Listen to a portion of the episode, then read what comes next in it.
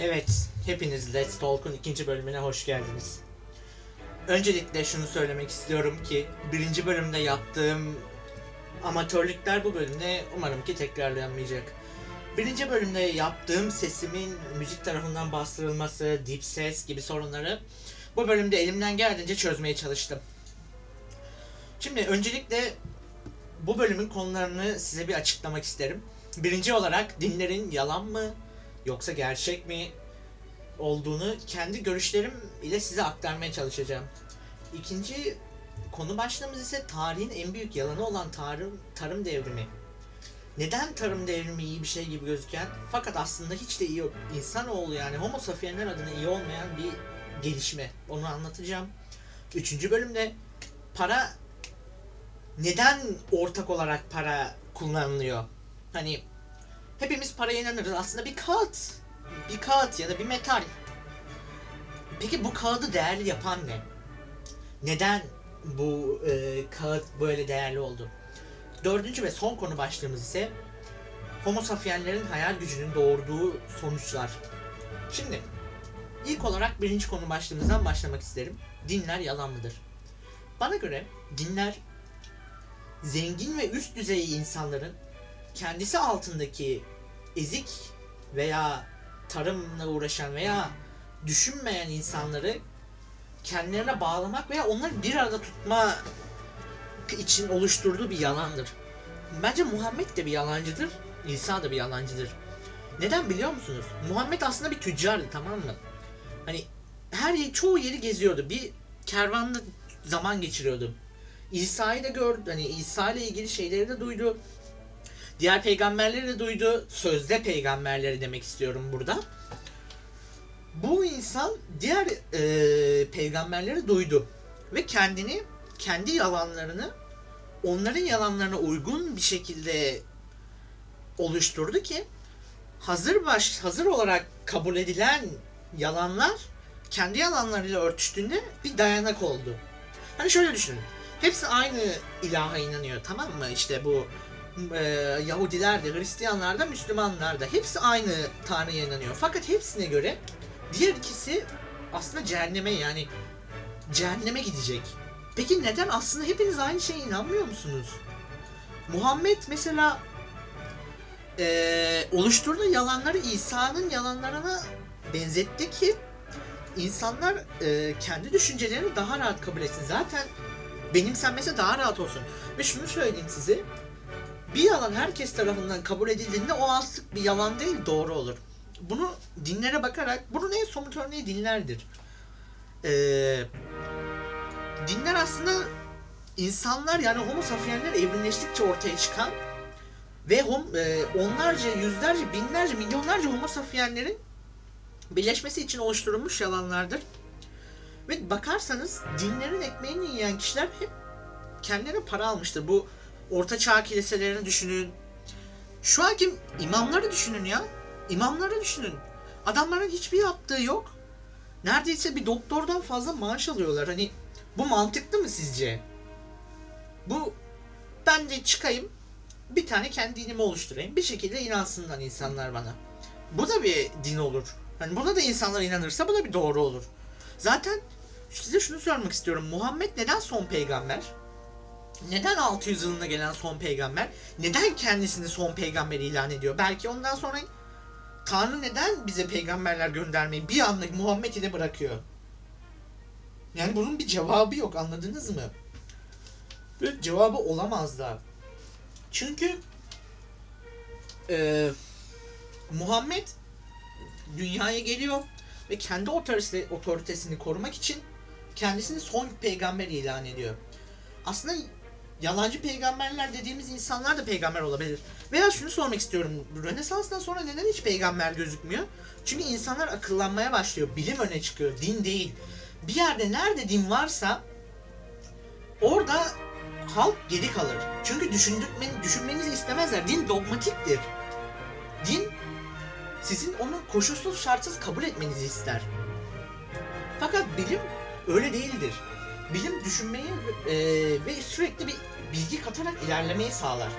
Bu yüzden zaten bunun en büyük kanıtı olarak en zengin, e, şey, en fakir 50 ülkenin 32 tanesi Müslümandır. Bu bir zaten kanıttır yani. yani Müslüman ağırlıkta yaşayan ülkelerdir. Bu da bir kanıttır. Mesela Orta Doğu'daki e, Arap ülkelerine bakalım. Başlarındaki insanlar petrolleri kullanıyor dinle, dini sömürerek altlarındaki insanların. Alttaki, alttaki insanlar fakirlik içinde sürünüyor. Mesela kadın hakları madem eşit yaratıldık kadınlar neden Müslümanlıkta geri?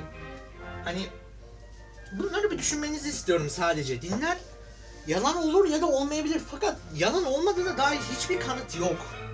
Hani anlattıkları her şey belgelerle kanıt dayandırılamamış bir şey. Anladınız mı? Mesela eee aleve atılırken Şanlıurfa'da bir göl vardı. Göl müydü? Orada bir anda böyle balıklı bir şeye dönüşüyor. Bu bir efsanedir. Bunu hiç kimse görmemiştir. Hiç kimse yazmamıştır. Bu olay Shakespeare'e benzer. Shakespeare'in hayatıyla e, Muhammed'in hayatı aslında çok benzerdir. Neden? Shakespeare aslında var olmamış bir insan bile olabilir. Çünkü Shakespeare'le kimse görüşmemiştir. Oyunlarına kimse gidip hani Shakespeare'i birebir gördüğünü iddia etmemiş. Shakespeare çok fakir bir aileden geldiği söyleniyor fakat oyunlarında anlattıkları kralların bile hani çok ayrıntılı kralların yemeklerini anlatıyor. Bu da bize şunu gösteriyor. Ee, Shakespeare aslında bir İngiliz kralı mıydı? İngiliz kralının takma adı. Bu da Muhammed için de geçerli. Muhammed'in ürünleri halkın ortak ürünü de olabilir. Muhammed aslında yaşamamış olabilir. Veya Muhammed'in anlattıkları halkı kendisine bağlaması için de olabilir. Yani burada çok biraz saçmaladığımı kabul ediyorum ama size şöyle düşünmeni, düşünmenizi istiyorum. Muhammed demiyor mu? Ee, kıyamet ne zaman geldi diye sorduğunda güneş battı batacak. Bunu hangi yılda diyor? 600 yılında diyor tamam mı? Aradan 1400 yıl geçiyor. Ortada hiçbir kıyamete dair şey yok. Veya şunu düşünün. Ee, Müslümanlık inancına göre herkes bir sınav hani. Hayatımız bir sınav tamam mı? Hayatımız bir sınav. Fakat böyle çok fakirlik içinde tek kolu olmadan annesi babasız doğan bir çocuğun sınavı ile çok zenginlik içinde ailesinin babasının deli gibi parası olan bir çocuğun sınavı aynı mı? İkisi neden aynı cehenneme ya da cennete gidecek? Bu adil mi? Değil. Bunu sorgulamamız lazım. Aslında ilahi adalet diye de bir şey yoktur. Adam 100 tane suç işler bir tanesinde ceza aldı diye ilahi adalet derler. Bu da yalandır. İlahi adalet veya ilahi güçler yoktur aslında. Tanrı sadece homo sapienslerin eee düşünme becerisinden dolayı ortaya çıkmış ve böyle hani normalde 10 kişi bir arada duramazken 200 bin, 100 bin, 10 milyon kişiyi kontrol altına almak için oluşturulmuş bir yalandır. İnsanları kendi amaçları doğrultusunda kullandırmak için oluşturulmuş sözlerdir. Tanrı'nın sözleri dediğimiz şeyler. Neyse, çok e, e, inkar ettik fakat siz inanabilirsiniz. İnananlara da saygım var. Kesinlikle onlara bir şey demiyorum. Fakat sorgulayın. Lütfen sorgulayın. Tanrı olsun ya da olmasın. Gerçek olsun ya da olmasın. Sizce adalet var mı dünyada? Dünyada adalet varsa neden 3 yaşındaki çocukları bombalanmasına izin veriyor Tanrı? 3 yaşındaki çocukların nasıl bir suçu var? Bebekleri öldürüyorlar. Bebeklerin nasıl bir suçu var?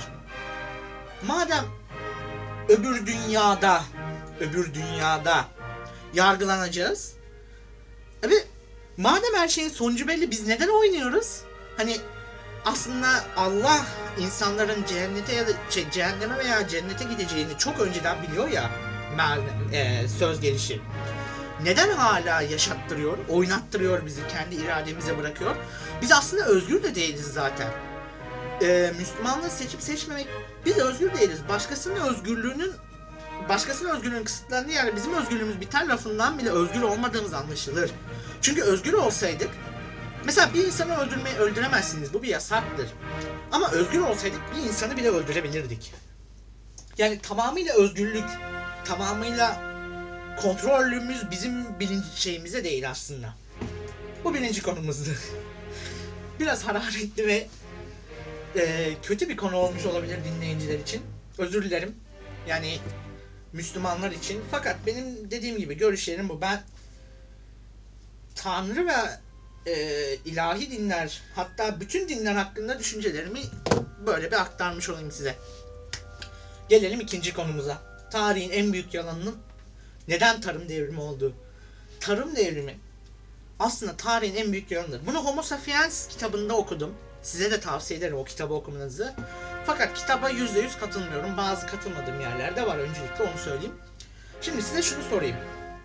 Tarihin hani böyle tarım devrimi insanlık adına çok iyi böyle bir adım daha üste taşımış gibi bir şey gözüküyor. Fakat öyle değil aslında. Tarım devrimi insanlık için bir geriye dönüş gibi bir şey aslında. Neden mi? Şimdi biz öncelikle avcı toplayıcıyız tamam mı? Avcı toplayıcılık yaparken e, aletlerin keşfi ve tohumlar beynimizin hani benimsemesiyle birlikte tarım devrimini başlatıyoruz.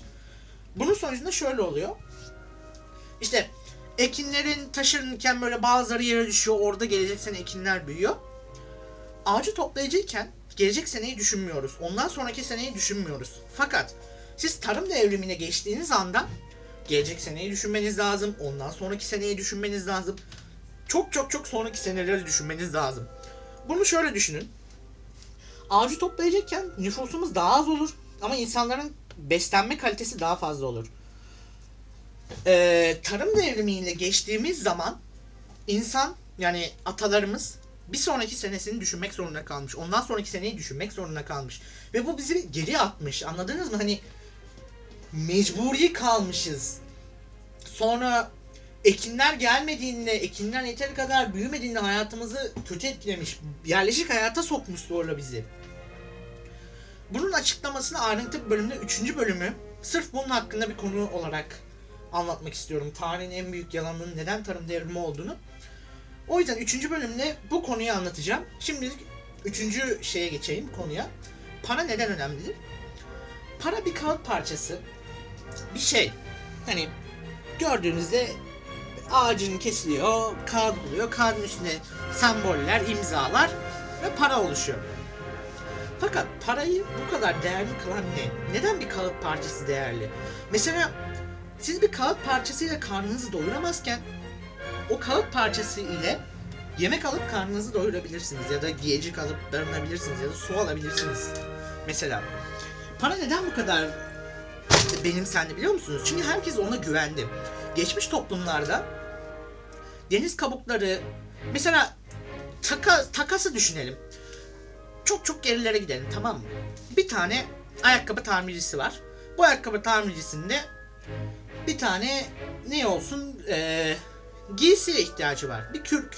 Kürke ihtiyacı var tamam mı? Şimdi bu kürkü almak için gidiyor. Ve diyor ki kürkçüye diyor ki sen bana kürk verirsen diyor ben de sana ee, ayakkabı yaparım diyor. Fakat kürkçünün ayakkabıya değil bir avukata ihtiyacı var. Bunun için ayakkabıcı avukata gidecek. Avukat da atıyorum bir elmaya ihtiyacı olsun. Elma ya da bir meyve.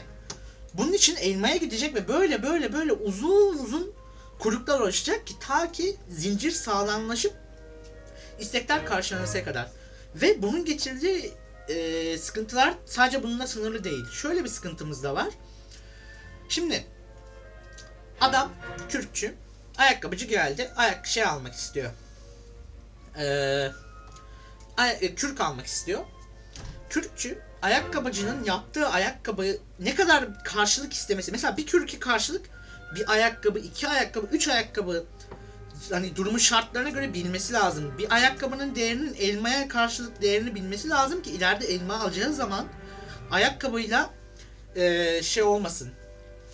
Hani zarara girmesin. Bunun için 5000 bin tane fiyat bilmesi lazım. Fakat paraya geçtiğimizde herkesin ortak güvenci bu para dediğimiz şey ayakkabıcı da parayla kürk alır, parayla avukat hizmeti alır, parayla elma alır. Elmacı da işte parayla kürk alır, parayla ayakkabı alır. Böyle herkes ona güvendiği için e, para oluşturur. Parayı oluşturan tek şey akıllarımızdaki güven duygusudur aslında. Güven duygusu da şöyle oluşmuştur zamanla. Kralların paralarını kendi simgelerine bastığını görürüz ki bunu Osmanlı'da bile görmekteyiz. Hani kendi parasını bastırmak bir otoritenin belirtisidir aslında. Bu otorite insanlara güven verir. Kral bile buna uyuyorsa biz de uymalıyız düşüncesi verir. Ki şöyle söyleyeyim size. Geçmiş zamanlarda sahte para üretmek, kralın otoritesini sarsmak ve yani onu küçük görmek gibi suçlardan dolayı ya idam ya da büyük işkencelerle sonuçlanırmış. Bu yüzden para aslında önemlidir. Para aslında takasın bir üst basamağıdır ki takasın tek eşyayla yapılan basamağıdır ve hayatımızı cidden kolaylaştırmaktadır. Hani herkes paraya güvendiği için mesela kültürler değişebilir. Çoğu şey değişebilir hayatımızda. Şu an doğru bulduğunuz bir şey yarın değişebilir. Fakat paraya oluşan neredeyse 7 milyarın 7 8 milyar insanın 8 milyarı da paraya güvendiği için paraya oluşan güven çok zor ya değişmesi. Yani para hayatımızda değerli bir şeydir. Tamam şöyle söyleyeyim altın da değerli bir şeydir fakat bence altın paradan çok daha saçma bir e, alet yani materyal diyeyim.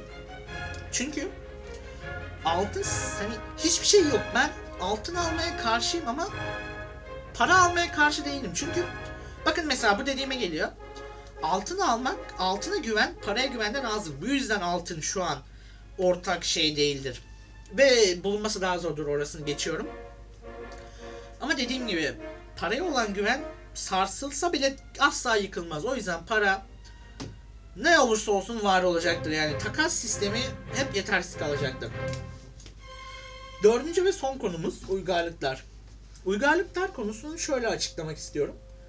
Uygarlıklar, şirketler, e, firmalar bunlar hepsi aslında bir hayal ürünüdür. Aslında yoktur.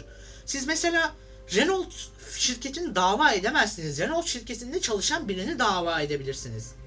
Aslında bu zamanla evrimlerimizin getirdiği, evrimde pardon evrimlerimizin dedim. Evrimin getirdiği Homo sapienslerin hayal etme becerisinin bir ürünüdür aslında uygarlıklar, şirketler. Hani bu uygarlıklar başlık fakat ama ben genel olarak bu başlığı hayal etme olarak değiştireyim. Hayal gücümüz çok bize aslında biz kılan şey anladınız mı? İnsanları hayvanlardan ayıran şey aklımız aslında. Aklımızdan da çok hayal etme gücümüz. İnsanlar hayalleriyle dinleri oluşturuyor, şirketleri oluşturuyor, firmaları oluşturuyor. Şimdi Renault firmasını ele alalım. Renault firmasında çalışan insanlar Renault'u hayal ettiği için Renault vardı. Renault aslında fiziksel bir şey değildir ya da şirketler aslında fiziksel bir şey değildir. İnsanların onu inandığı için var olmuş şeylerdir. Bu şeyler ne kadar insan inanırsa o kadar hani yavaş değişir anladınız mı? Ne kadar çok bir insan bir tane e, olguya inanırsa bu olgu o kadar güçlü kalır. Siz bir tane e, firmayı şikayet edemezsiniz. Fakat firmada çalışan insanları şikayet edebilirsiniz. Firmadaki insanlar birlikte olmasının sebebi aslında güvendir.